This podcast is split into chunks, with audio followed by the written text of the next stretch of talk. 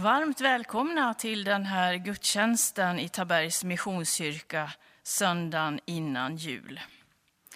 Temat för gudstjänsten är Herrens moder och det är texter som vi får lyssna till både från Gamla och Nya testamentet.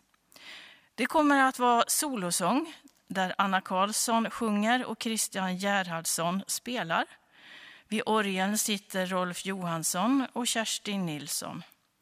Och bibelläsningen svarar Kristin Salomonsson för. Predikan blir det med Daniel Lundstedt. Och vi får också lyssna till en personlig berättelse som Lotta Wendel kommer att dela. Och vid ljudet sitter Mats Karlsson och själv heter jag Eva Joelsson. Under den här veckan som kommer, ja, då fortsätter ju olika samlingar och den, de kan man lyssna på via tabergsmissionskyrka.se. Man kan finnas med på kyrkfika och det kan man gå in på via kalendern. Och eh, klockan 11 så finns det möjlighet att via digitala medier vara med på ett kyrkfika. Om det är så att du har missat så passa på de här återstående dagarna att gå in och titta på församlingens adventskalender.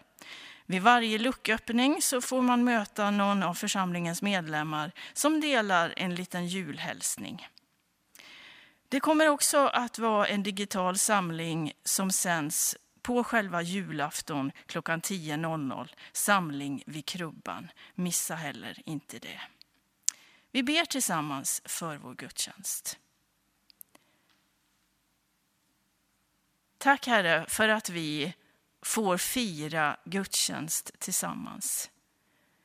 Tack Herre att så här precis på gränsen mellan det mörkaste så får vi se ljuset. Både att ljuset kommer tillbaka men också evighetens ljus. Tack Herre för en ung kvinna som sa ja till din kallelse och valde att bli mamma till jordens och universums Herre. Vi ber Herre att du är med oss i den här gudstjänsten. I Jesu namn. Amen. Vi ska nu tillsammans få sjunga en gemensam sång och det är nummer 164 på tröskeln till Marias hem. Står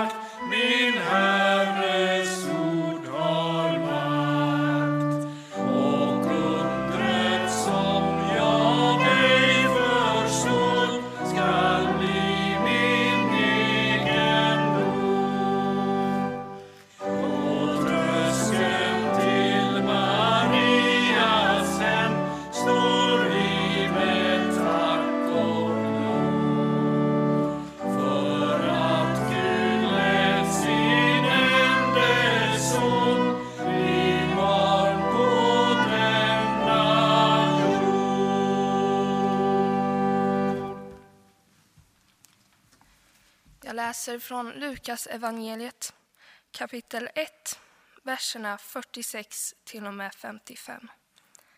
Då sa Maria, min själ prisar Herrens storhet, min ande jublar över Gud, min frälsare. Han har vänt sin blick till sin ringa tjänarinna. Från denna stund skall alla släkten prisa mig salig. Stora ting låter den mäktige ske med mig. Hans namn är heligt och hans förbarmande med dem som fruktar honom varar från släkte till släkte. Han gör mäktiga verk med sin arm, han skingrar dem som har övermodiga planer. Han störtar härskare från deras troner och han upphöjer de ringa. Hungriga mättar han med sina gåvor och rika skickar han tomhänta bort. Han tar sig an sin tjänare Israel och håller sitt löfte till vår, våra fäder och förbarmar sig över Abraham och hans barn till evig tid.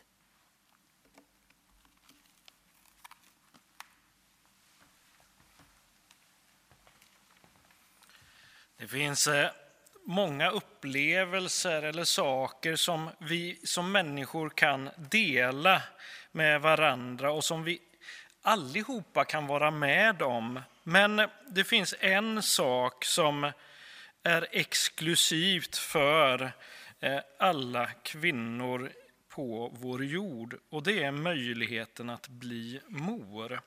Och eh, jag har bara fått möjligheten att erfara att bli pappa och har fått höra berättelsen av min fru hur det är att vara gravid. För mig så var ju det där orden, när man väntar första barnet, det var ju lite kufiskt också där att ja, du säger att du är gravid. Mm, Okej. Okay. Och så är man ett frågetecken. Men efter ett tag så börjar jag också förstå. Men för att förstå det här fullt ut så behöver man vara en kvinna som har varit gravid och eh, eh, haft möjligheten att föda barn. Och, eh, därför så lämnar jag ordet till Lotta som har bättre erfarenhet än jag.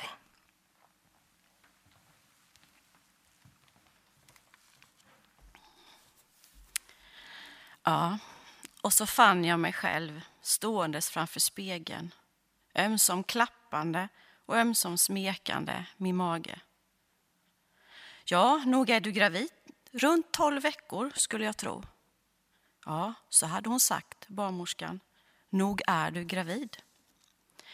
Skulle vi, jag och Robba, bli föräldrar nu? Så fantastiskt och så surrealistiskt. Å ena sidan var jag överlycklig, jag kände mig sådär välsignad och glädjen bubblade i hela kroppen. Å andra sidan funderade jag på om detta verkligen var på riktigt. Jag känner ju ingenting. Inte en endaste liten rörelse. Och inte ser jag gravid ut heller. Inte ens när jag putar med magen. Snart blev jag dock varse om detta lilla liv som växte i min kropp. Först kom illamåendet. Sedan började mina bröst ömma. Och sen var det dags för foglossningar. Och en dag så surrade det till i magen som om det var någonting som killade mig där inne. Jag bara visste det. Det där var mitt barn. Nu började planerna sättas i verkan. Spjälsäng renoverades och målades. Det blivande barnrummet fick en ny färg, barnvagn införskaffades samt skötbord och kläder och allt annat som ska förberedas innan vi skulle välkomna vårt barn till den här världen. Den mesta av tiden under graviditeten så upplevde jag frid och glädje. Men det fanns också stunder då jag redan vid det här skedet ifrågasatte mitt föräldraskap. Skulle jag verkligen kunna, kunna bli den där mamman som var så där kompetent och kärleksfull, inlyssnande, följsam och full av omsorg? Och tänk om något livshotande skulle hända under graviditeten eller förlossningen och om mitt barn föds med ett allvarligt kroppsligt fel eller en svår funktionsnedsättning, hur skulle det bli då? Ja, och så fann jag mig nedsänkt i soffan med kuddar längs sidorna, bakom ryggen, under knäna och med handen smekandes över magen, letande efter huvudet, fötterna och en liten hand. Jag sjöng vaggvisor och bedyrade min kärlek, samtalade om dittan och datt och berättade om mina planer och tankar jag hade om saker vi skulle göra, jag och mitt barn, tillsammans. Ah, som jag längtade efter att få hålla detta lilla underverk i mina armar, kyssa och smeka och få fortsätta att ösa min kärlek. Min kärlek på det barn som redan nu ägde hela mitt hjärta.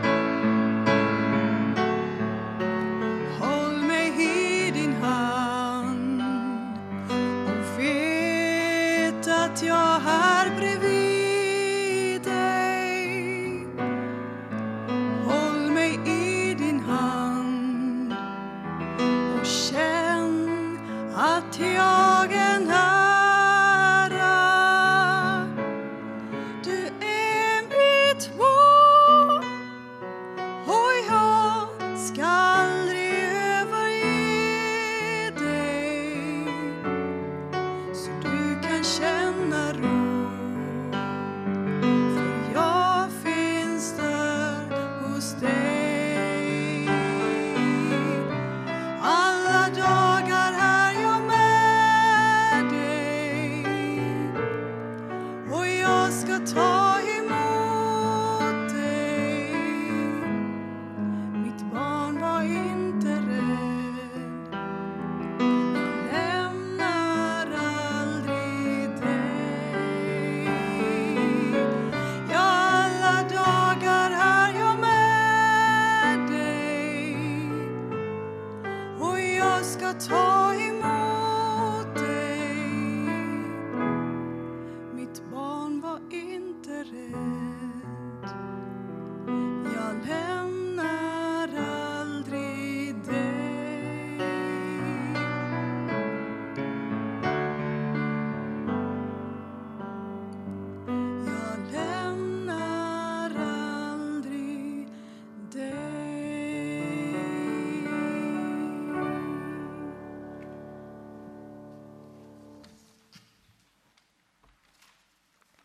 Jag läser från Jesaja kapitel 40, verserna 9 till och med 11. Gå upp på ett högt berg med ditt glädjebud, Sion. Ropa upp ut ditt glädjebud med en hög röst, Jerusalem. Ropa, var inte rädd till Judas städer. Er Gud kommer. Herren Gud kommer i all sin styrka. Han härskar med mäktig arm. Sin segerlön har han med sig. Det han vunnit går framför honom. Som en herde vallar han sin jord och han tar upp lammen i sin famn och bär dem i sina armar. Han driver tackorna varligt.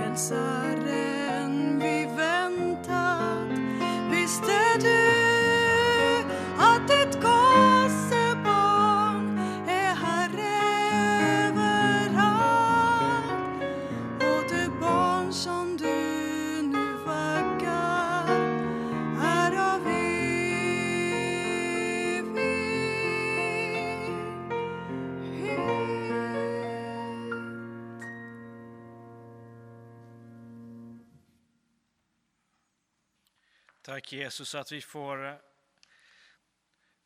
prisa dig så här på en söndag, Herre.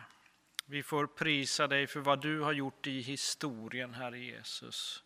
Och vi får be att du ska vara med oss där vi är idag, Herre Jesus.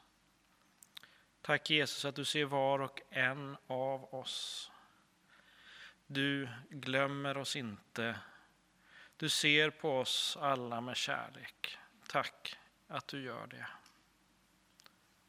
Amen.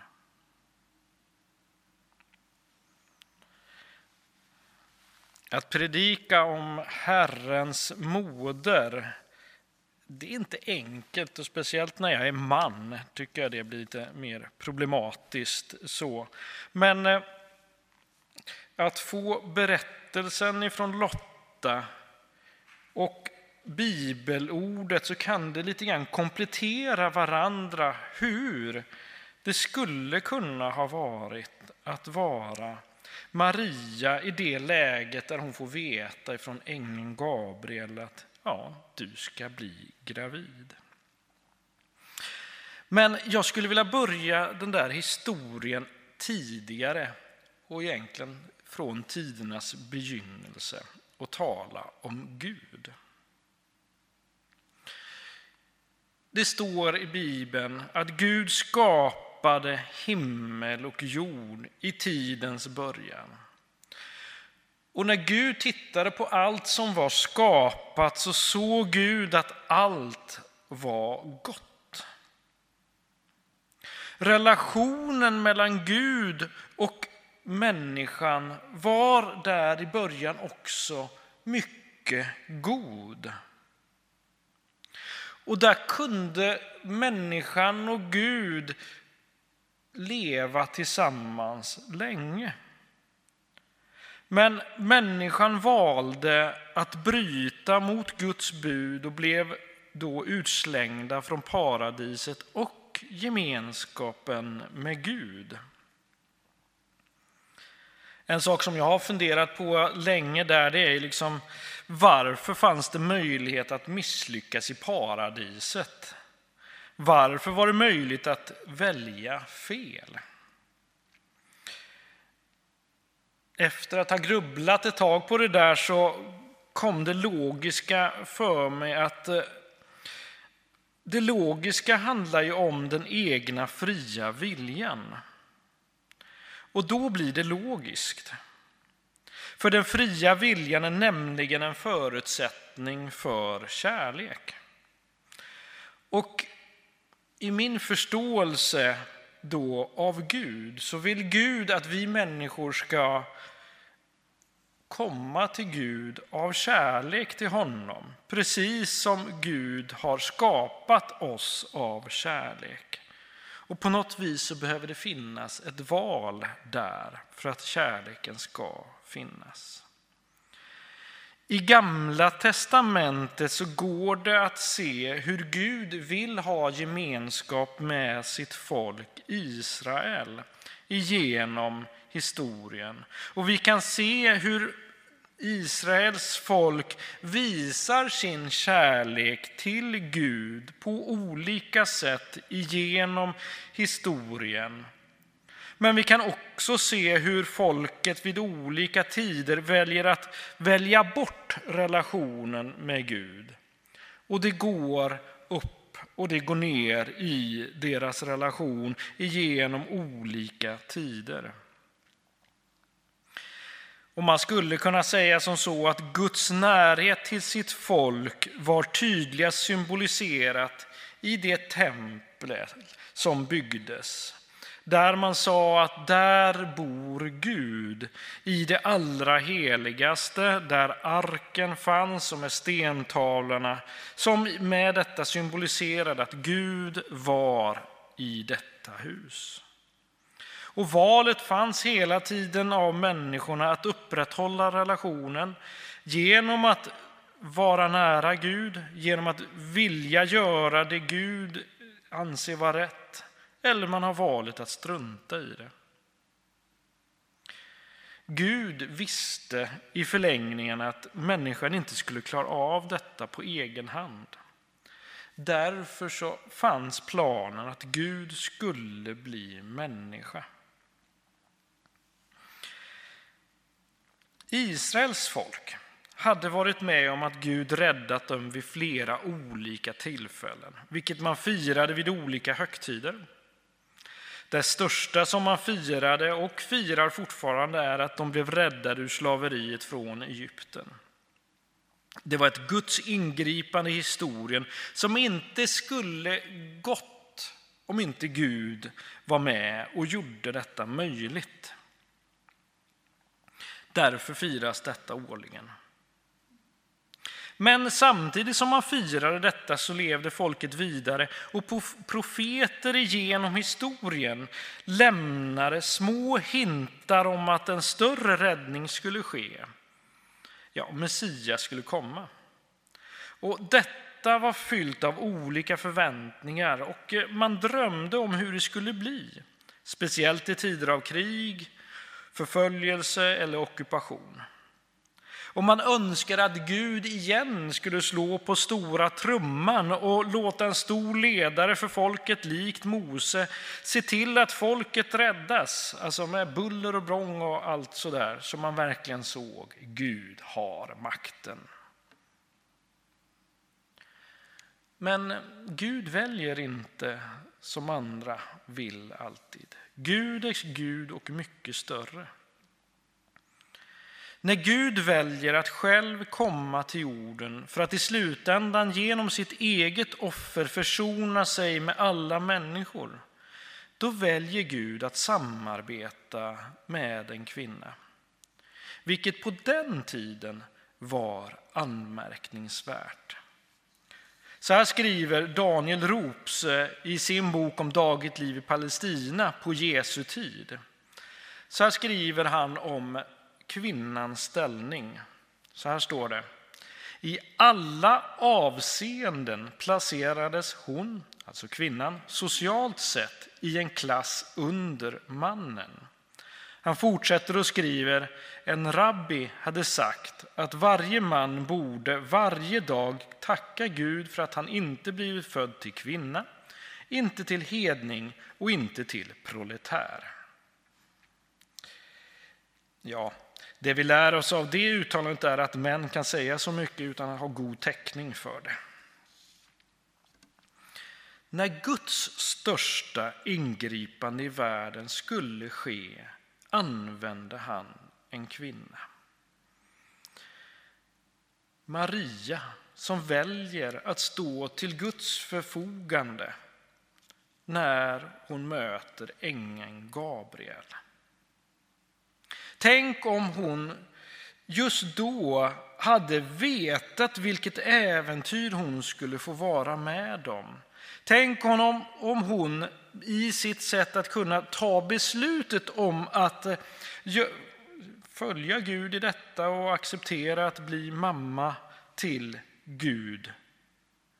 Tänk om hon redan då fått veta att hennes liv skulle bli tufft. Tänk om hon skulle veta då att mannen som hon var trolovad med skulle överväga att gå ifrån henne. En ängel skulle få ingripa där. De kunde inte i lugn och ro invänta förlossningen i Nasaret.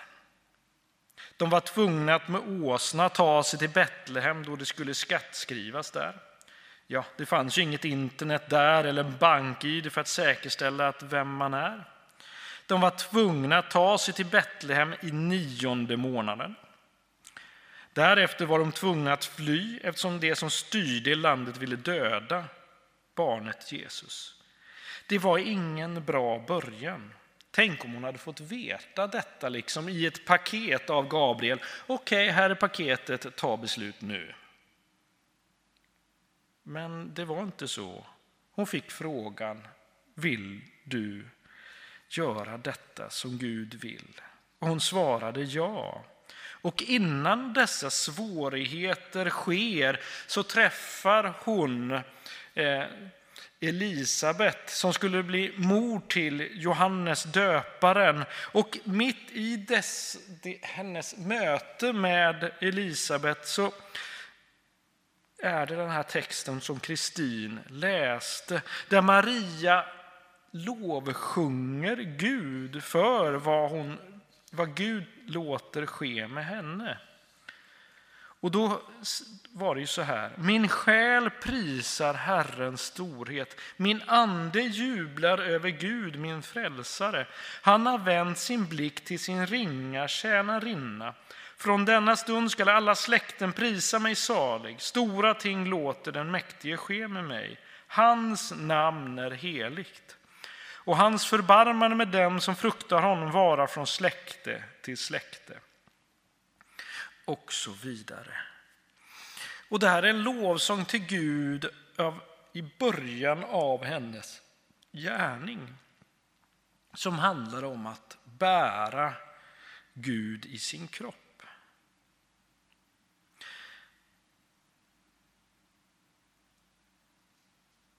Och där kan vi ju då ställa oss frågan mitt i detta. Vad kan vi lära oss av Maria och hela hennes tid med att vara gravid men också sen att bära Jesusbarnet och se sin son när han blir äldre. Jag har tagit ut några saker som vi kan lära oss här. Det första är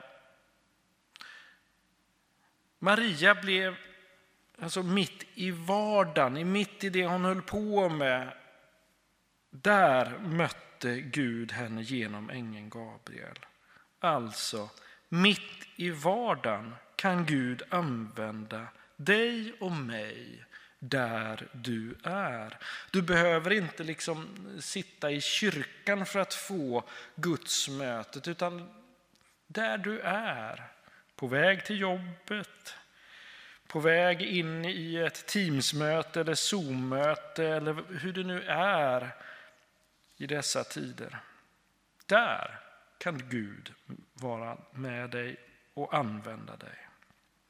För det andra, oberoende på hur du ser på dig själv så kan Gud använda dig. Maria använder i sin lovsång här orden om sig själv att hon är ringa, en liten tjänarinna. Ja, om du ser på dig att nej men inte kan väl jag, det går väl inte. Så är du faktiskt i samma båt som Maria. Maria sa så om sig själv och se vad Gud gjorde med henne. För det tredje, om du och jag svarar ja på hans kallelse att vara i tjänst för Gud så lovar Gud att vara med oss, men han lovar inte att det ska bli lätt. Se på Maria. Utanförskap, flykting, ja, får faktiskt vara med att överleva sin son. Och för det fjärde kan man ju då fråga sig, är det värt att följa Jesus, att vara hans tjänare? Du måste själv bestämma dig för ifall det är värt det eller inte. Och, måste, och beslutet måste tas innan du börjar. Och där kan man då ta eh, att likna det beslutet med ett beslut att vilja sätta barn till världen. När jag själv tyckte att det var som tyngst att ha tre barn tätt i ålder och jag kände att jag inte räckte till som förälder. Om någon skulle fråga mig just då, mitt i kaoset, hur känns det att vara förälder? Skulle jag säga, ah, det är hemskt. Jag vet inte hur det här ska gå. Jag vet inte ens om jag klarar av detta. Tänk att jag valde att bli förälder. Det tänker jag då. Men när barnen har somnat och man tittar på dem, ja då ler man istället och säger, ja men det är klart att jag blev barn eller blev förälder till de här barnen. De är ju så fantastiska där de ligger och sover. Beslutet att bli förälder tog jag istället av kärlek till min fru Helena. Som en följd av beslutet i kyrkan då vi inför våra vänner sa att vi älskar varandra, att vi vill dela glädje och sorg med varandra.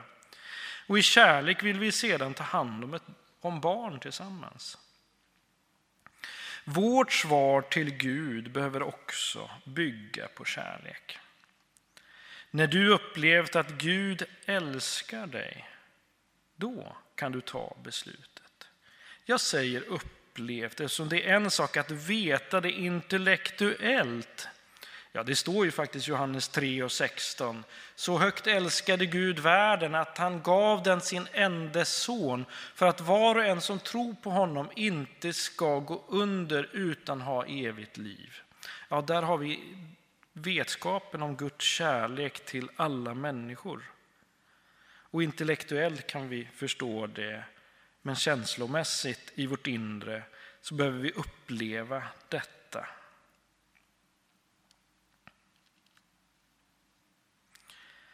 Det blev tungt för Maria. Men hon fick på olika sätt förstå att hon var på, på rätt väg.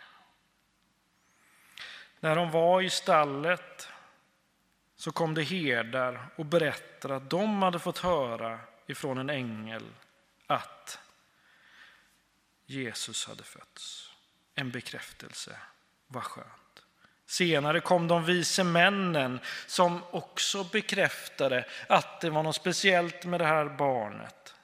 Och hon kunde gå tillbaka till mötet med Gabriel. Ja, jo, men det var inte osant det ängeln sa till mig. Hon fick mötet med Symeon och Hanna i templet som lovprisade Gud inför Marias och Josefs ögon av att de får se Guds tröst. Hon tar allt detta till sitt hjärta. Ja, just det, jo men det stämmer. Jag går vidare i tilltron till Gud. På det viset så säger Gud till henne att jag är med dig. Och jag tror att om du mitt i vardagen får vara Guds redskap också kommer att vid olika tillfällen få veta att Gud är med.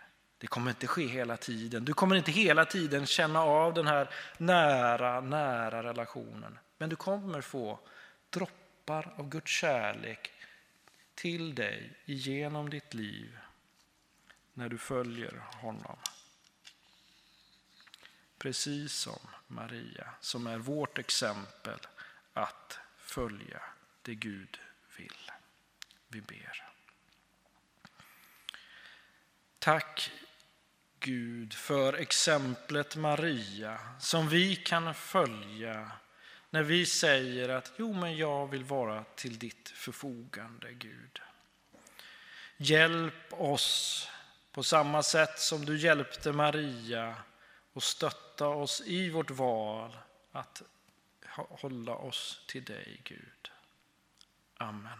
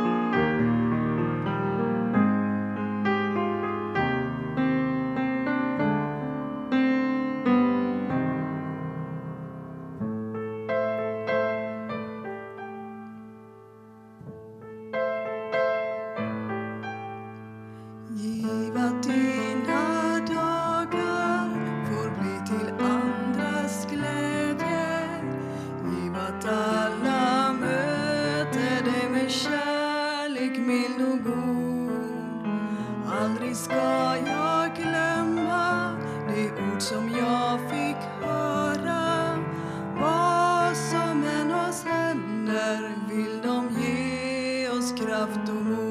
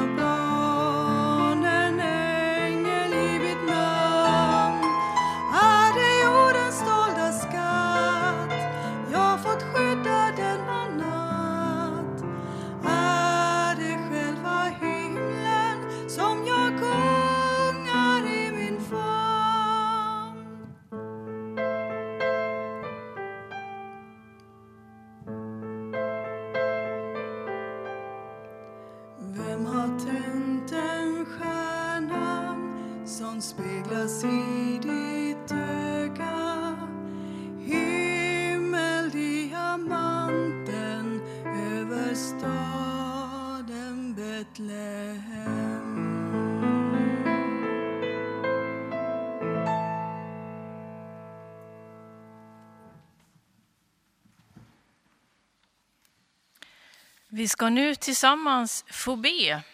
Och under den här perioden av året så är vi ju speciellt fokuserade på det internationella missionsarbetet som vi som församling finns engagerade i. Det görs insatser i stort sett hela världen genom lokala församlingar. Ett oerhört viktigt arbete som gäller både diakoni, evangelisation, undervisning och annat socialt arbete. Vi ska också ta tillfället och be för situationen när det gäller sjukvården i Sverige och också julfirandet som ligger framför. Vi ber. Herre, vi kommer till dig precis på samma sätt som Maria gjorde. Vi kommer till dig i både vånda och i tacksamhet. Och vi kommer nu till dig så här några dagar innan jul och ber Herre att det ska få bli en julfrid både i enskilda hem och hos familjer. Vi ber, även om det blir annorlunda, att din frid får finnas där. Vi ber om glädje, vi ber om tacksamhet. Och vi vill också be om välsignelse för alla dem som jobbar inom sjukvården. Läkare, sjuksköterskor, undersköterskor. Vi ber dem ge ny kraft, ge inspiration och ge arbetsmod. Och vi ber Herre också för den internationella kyrkan. Vi ber för din kyrka runt om i vår värld. Ge den tro och kärlek så att de, där de är, kan tjäna dig och ditt rike. Gör den öppen för människors nöd, öm och fast, lyhörd och trogen. Herre, vi ber för din värld. Befria den från själviskhet och misstro, från våld och från krig. Gör den till ett hem för människorna och en förgård till ditt rike. Herre, vi ber för alla människor. Du ser deras behov. Fyll dem med din nåd.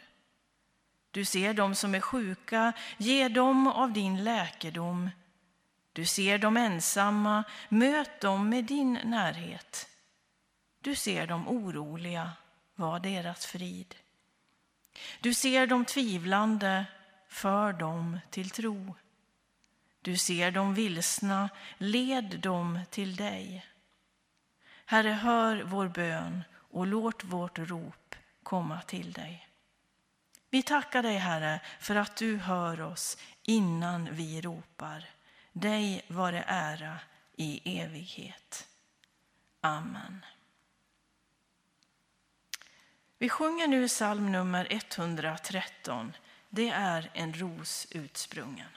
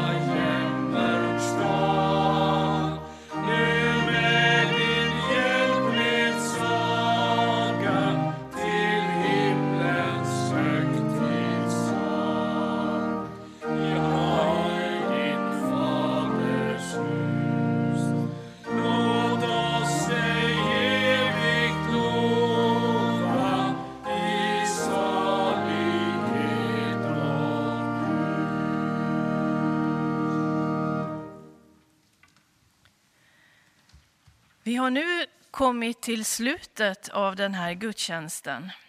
Men vi får ge varandra det bästa som finns, nämligen Herrens välsignelse. Ta emot välsignelsen. Herren välsignar dig och beskyddar dig. Herren låter sitt ansikte lysa mot dig och visar dig nåd. Herren vänder sitt ansikte till dig och ger dig sin frid. I Faderns, i Sonens och i den helige Andes namn. Amen.